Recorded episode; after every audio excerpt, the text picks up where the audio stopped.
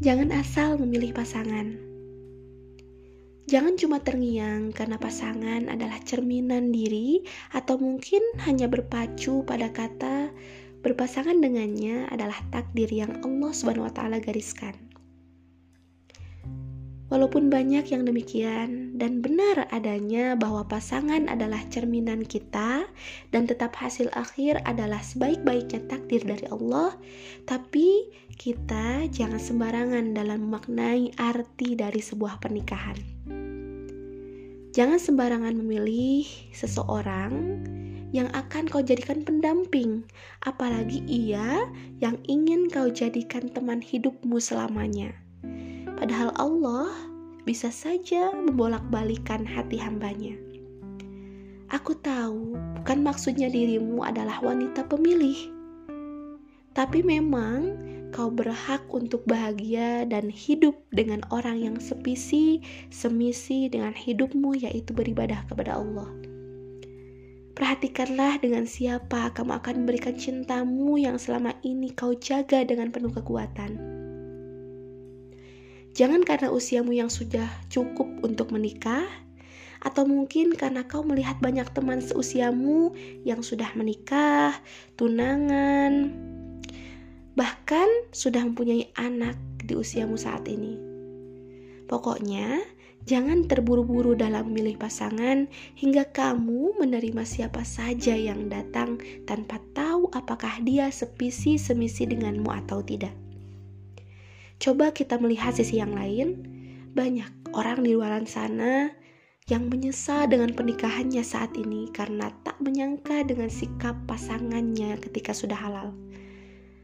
Mungkin dari beberapa di antara kita ada yang nekat menerima kekurangan pasangannya karena berpacu pada kata manusia itu tidak ada yang sempurna.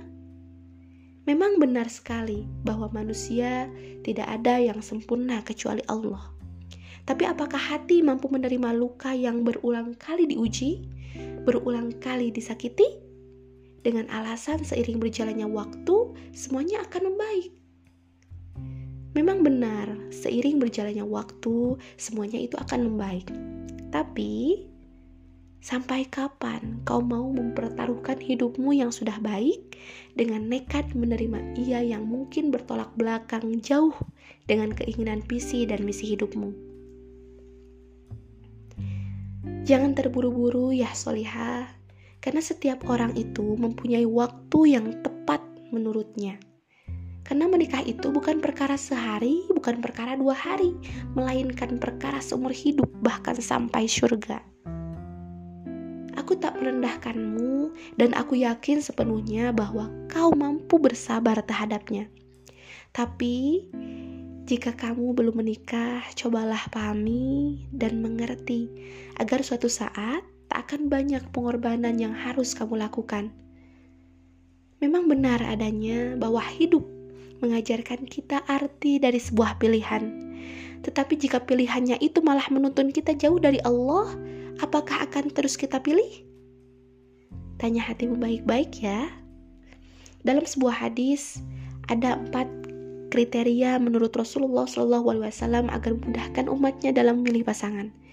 Rasulullah Wasallam bersabda, wanita wanita dinikahi karena empat hal.